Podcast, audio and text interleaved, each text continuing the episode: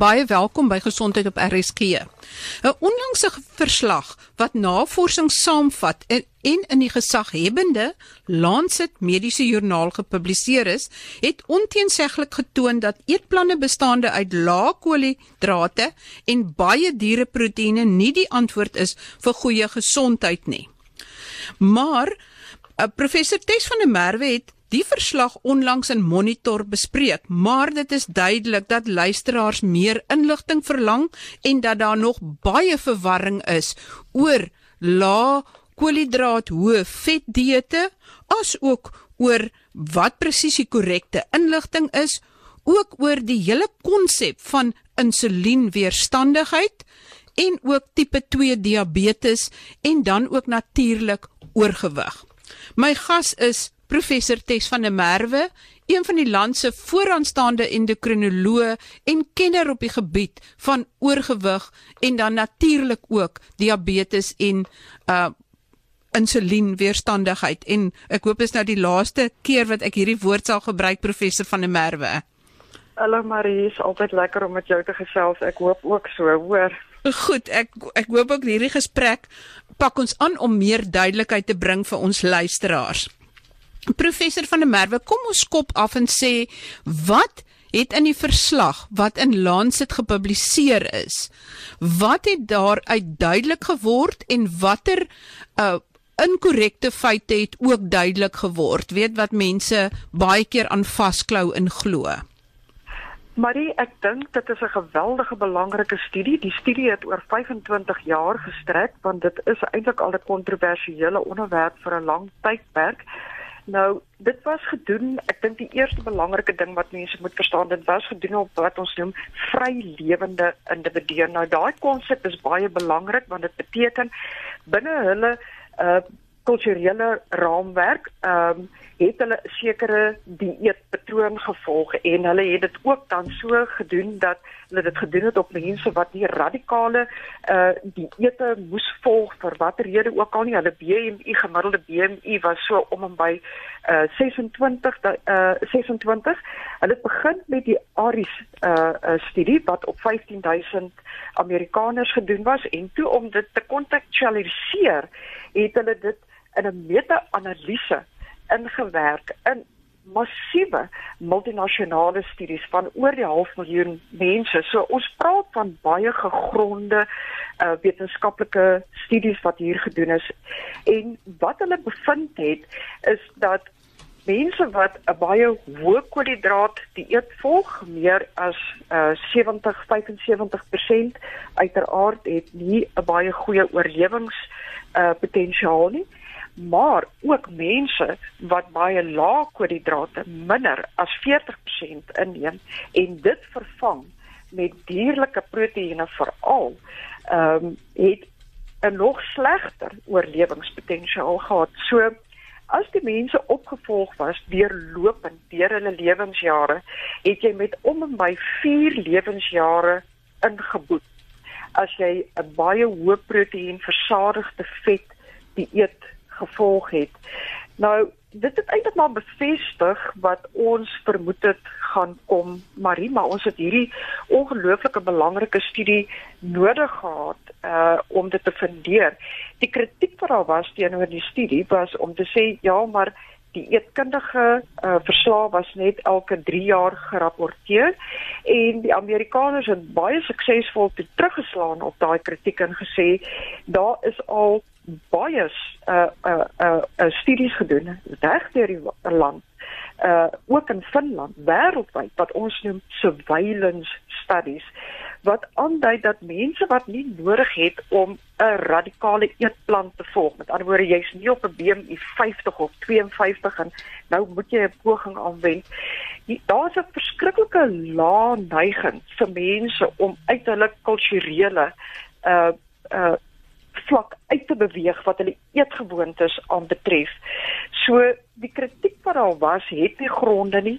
Uh die proteïninname wat daai persoon gehad het 25 jaar terug was presies dieselfde proteïninname wat hulle gehad het 10 jaar later of 14 jaar of of 20 jaar en daarin lê die geweldige gewig of die gravitas van die uitkomste van hierdie studie want dit was in vry lewende mense. Met ander woorde die die ondersoekers kom met 'n oop hart sê half miljoen mense wat in 'n meta-analise ingegaan het uh oor sewe uh uh uh uh kontinente het baie en ek dink iets soos uh 18 uh 80 verskillende lande ehm um, het baie duidelik gewys dat as jy 'n spesifieke eetplan volg sonder dat enige iemand inmeng en jy hou by daai spesifieke eetplan is jou oorlewingspotensiaal minder.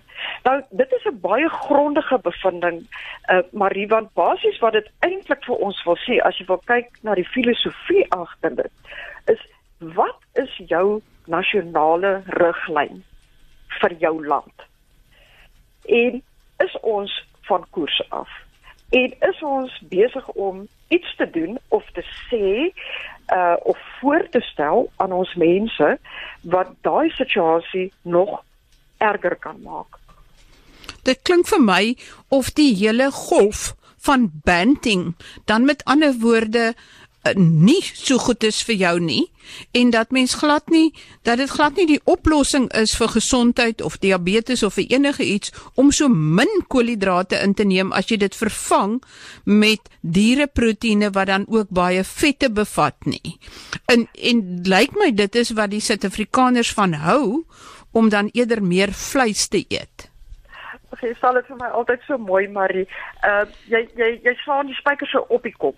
Ek dink dit is wat ons graag wil hoor. Ons wil graag hoor iemand kom na ons toe en sê, weet jy wat, gaan eet soveel rooi vleis en vetterigheid en eiers en uh gebraaide kosse. Uh dit dit gaan jou maar maak. Dit dit is lekker op die publiek se oor, maar die banting dieet het sy tyd in die son gehad en dit is maar soos baie ander vrats dieete uh 'n storie wat tot 'n einde moet kom, maar na aanleiding van hierdie studie is dit iets wat ons nou baie dringend tot 'n einde moet dwing vir ons land se oorlewingspotensiaal. Ons is maar 'n rooi vleis etende land. Uh ons hou van ons spek en eiers in die in die oggend, maar die, ons is klassiek een van daai nasionaliteite wat ons uitleen aan hierdie uh tipe van dieet en ons moet nou radikaal daaraan begin werk om weg te kom van daai konsepte en te kyk na wat is die fynere wetenskappe uh agter hierdie studie wat veroorsaak dat daar 'n korter oorlewingspotensiaal is. Nou in in die wêreld van die endokrinoloog is ons al vir 'n geruime tyd bewus van wat daai veranderinge kan wees wat in die liggaam begin gebeur, maar ons het hierdie studie nodig gehad om te sê asseblief Suid-Afrika stop dit waarmee jy besig is. Ons is op 'n dwaalpad. Ons moet teruggaan na ons koolhidrate 50 tot 55% van ons uh, dieet. Ons moet dit natuurlik ook nou nie gaan oordoen en meer as 80% koolhidrate gaan eet. Met ander woorde, al wat jy doen die hele dag is om uh botterbroodjies en en lekker goed te eet nie, want dit is ook nie goed nie. Maar ons moet ook terselfdertyd moet ons kyk na waar kan ons sekere van ons dierproteïene begin vervang met plantproteïene wat ook 'n goeie plaasvervanger is en baie keer goedkoper is, Marie. Jy het baie keer 'n plantaardige uh voedingsstof soos 'n neut of 'n grondboontjie botter wat vir jou 'n beter oorlewingspotensiaal uh, gee en ons moet begin wegkom van die braaivleis vuurtjie af. Ai, dit is nie wat die mense wil hoor nie en ek dink die amptelike dieetkundige riglyne is korrek, weet met die 50 tot 50 55% koolhidrate en al die res, maar dit is sekerlik ongelukkig nie wat die gemiddelde Suid-Afrikaner volg nie. Nee, maar dit is nie wat ons volg nie en ek dink dat die enigste manier hoe ons ons volk gaan uh uh kry om te verstaan is om dan vir hulle sistematies deur die probleme te neem. Met ander woorde, hoekom kan daai dieet nie werk nie en hoekom doen dit skade?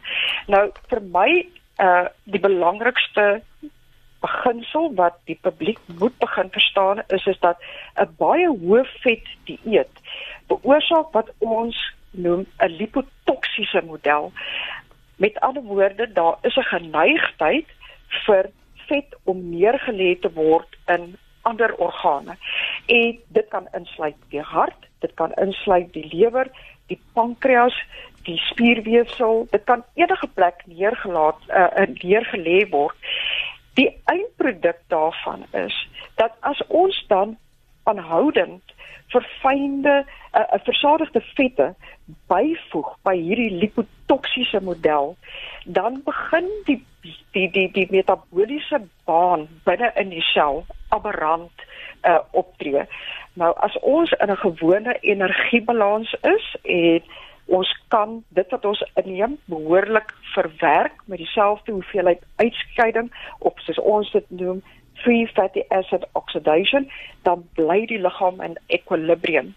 Maar as ons die stelsel begin oorlaai met punt nommer 1 ons oorgewig waarby ons nou vry vetsure plaas of erger nog ons is 'n diabetes en ons kan daai suiker omkeer in vet dan volg een van twee baie spesifieke bane in die liggaam. Die een is is dat die liggaam wat klaar 30 miljard vetselle in die gemiddelde mens het, gaan nou begin groter word tot op 'n viervoudige groter vlak. Na viervoudig kan die liggaam nie verder gaan nie en nou gaan hy begin om sekere promotorselle, stamselle wakker te maak en nou begin ons meer vetselle maak. So die een probeer is, is ons begin nou teen 'n rasseskrede meer vetselle maak en elke sel dra by tot 'n verdere vry vetsuur oksidasie. Die tweede probleem wat ons het is dat ons weet dat daar 'n sekere waksagtige uh molekules om elke sel, hulle is gewoonlik daar om struktuur aan die sel te gee, maar hulle vorm ook 'n baie belangrike baan binne in die sel uh sel self. Uh hulle vorm deel van daai pad van sfingolipiede wat ons noem. Maar as jy 'n oormatige vry vetsuur inhoud het wat die sel ingebaai word, dan begin die liggaam letterlik daai seramied gebruik om daai vetsel te uh, te probeer doodmaak. Ons noem dit apoptose of seldood. So in plaas daarvan dat ons die gewone pad van beta-oksidasie loop waar ons ATP vrystel en ons energie verbruik het uh, uh vir die liggaam, het ons nou 'n situasie dat punt nommer 1 ons baie stamselle begin wakker maak deur daai vry vetsure en ons veroorsaak geweldige versnelde pas van vetselvorming. En dan in die tweede plek begin ons hierdie seramiede uit hulle waksagtige uh skop wakker maak ons stimuleer hulle en oorstimuleer hulle en sodra die seramied 'n sekere 'n uh, 'n uh, vlak bereik het, dan veroorsaak hy letterlik 'n apoptose, 'n seldood. En dit was natuurlik uh, uh, so baie ideaal gewees het, maar behalwe as dit in jou pankreas gebeur, want wat nou gebeur is dat die laaste beta selle wat saam met daai selle afsterf, begin nou vir jou 'n verhoogde uh, potensiaal tot suikersiekte gee. In die hart kan dit ernstige hart uh, uh spiersaamtrekkingsprobleme veroorsaak. In die lewer kan dit lei na steatose van die lewer en apoptose en fibrose van daai selle. So die langtermyn gevolg is dat ons sit met 'n eindproduk wat dan vir jou begin verduidelik hoekom daai Lancet joernaal vir jou kan sê, maar wetenskaplik weet ons eintlik hoe het jy by daai punt uitgekom waar jy nou met 4 tot 5 van jou lewensjare inboet sonder dat jy gedink het jy het iets verkeerd gedoen. Dit klink letterlik of te die inname van te veel vette en al hierdie gevolge letterlik toksies is vir jou liggaam. Dit dit is 'n pragtige beskrywing wat jy het, maar dit is letterlik 'n toksiese model waarin ons die liggaam dan in forceer om dit te hanteer. Ons moet onthou die liggaam was gemaak met 'n baie baie fyn besnaarde metabolisme. In die eerste plek het ons 'n baie kragtige sentrum in die brein wat ons body stat, soos ons sê, ons stelsel van liggaams uh, uh beheer uh moet dop letterlik minuut tot minuut, uur tot uur uh en dag tot dag. Hy het daai oorkoepelende werk om dan te sê, maar ek moet nou 'n aanpassing maak in die syne wat uit die brein uitgaan want meneer X se gewig het nou opgeskuif na 80 kg. Nou dit die die probleem wat die brein het is as hy registreer jou vorige hoogste gewig molekulêr tot op 'n half kilo. Met ander woorde, onmiddellik sit die brein nou met 'n module waar hy sê 80 kg is meneer X se body stat wat hy moet verdedig. Meneer X begin dan oor eet en tel meer gewig op. Oor 2 maande sit hy op 90 kg. Nou het die body stat begin sê, maar wag 'n bietjie. Die nuwe body stat is nie nou net 80 nie, dit is nou 90 kg. En dit kom natuurlik uit ons jare se oorlewing op uh, uh, bittermin kos toe ons nog moes jag vir ons voedsel en moes oorleef. Die die kernfaktor van die brein was om die mense oorlewing te veroorsaak uh, 'n uh, uh, uh, um, doeltreffend te hou in tye van noodsaaklikheid, uithongering ensovoorts. Met ander woorde, die brein het al daai chemikalieë en al daai bane in die liggaam daar probeer hou net met een doel of twee doele voor oë Marie. Die een was om ons oorlewing te veroorsaak en seker te kon maak dat ons kon wegvlug van gevaar af. Maar dit is letterlik hoe die brein werk. En dan kom ons na jare en jare wat jy op 'n hoë kroniese hoë gewig was waar die pasiënte na jou toe sal kom en sê maar dit maak nou nie meer saak wat ek doen nie niks maak meer 'n verskil nie. Ek kan 10% afgaan, maar dan voel ek asof ek die stryd verloor het. En die desperaatheid van die mens wat inkom op daai spesifieke punt, laat hulle dan na grashalms gryp waar mense vir hulle teorieë verkoop, soos byvoorbeeld deur vir hulle te sê: As jy al die koolhidrate uit jou liggaam uitneem, dan kan ons veroorsaak dat jou insulienvlakke afkom en as jou insulien vlakke afkom, dan gaan jy nie meer al die vet in jou liggaam stoor nie en dit gaan outomaties in 'n baan van vry vetsuuroksidasie ingaan. Daai konsep is natuurlik verkeerd, Marie, want wat ons weet is dat sodra jy op 'n BMI 30 en bo was, dan het jy klaar 'n geweldige versnelde beta-oksidasie en vryvetsuuroksidasie. So jou liggaam volg glad nie meer dieselfde uh uh metabooliese baan as wat jy gevolg het as jy gesond was nie. En jy produseer reeds aan die binnekant van jou liggaam 'n geweldige hoë hoeveelheid vryvetsure. Die Engelse noem dit total body fat turnover. Dis klaar daar, dit is gevestig, die bane is gevestig. Nou kom jy in met 'n 'n baie hoë vet dieet met 'n ietwat verswakte pankreas klaar.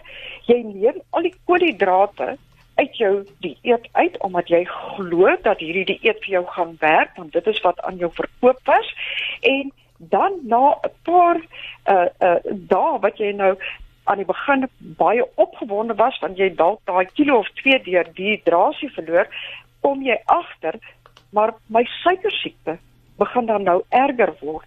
En dan sê die banting uh, profete Meneer mevrou, hou asseblief goeie moed. Dis net 'n tydelike situasie. Dit sal weer weggaan. En dit is waar die onetiese gedeelte van hierdie hele proses inkom Marie, want wat nou begin gebeur het is nou het hulle begin ingaan in 'n baan van seramietproduksie en daai sel is klaar besig met sy eie apoptose en seldood. En dit is hoekom ons begin kyk na wat sê die wetenskappe. Ek het dit al hoeveel keer gesê. Wat sê die wetenskappe? Ons hoef niks verder as dit te gaan nie, Marie. Ons hoef nie te, te luister na wat die ene of daardie persoon of daardie persoon aan jou verkoop het nie. Aan die einde van die dag sal die wetenskappe vir jou die ware verhaal vertel.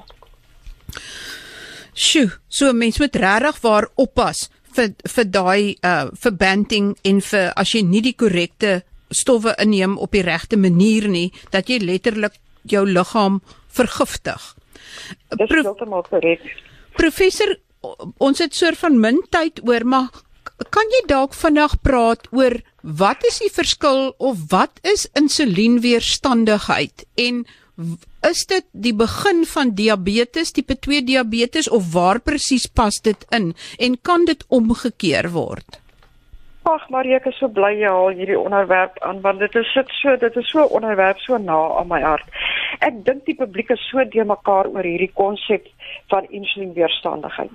Wat wat ek vir die publiek wil sê vandag is vergeet dat jy ooit daai twee woorde gehoor het in jou lewe, insulienweerstandigheid.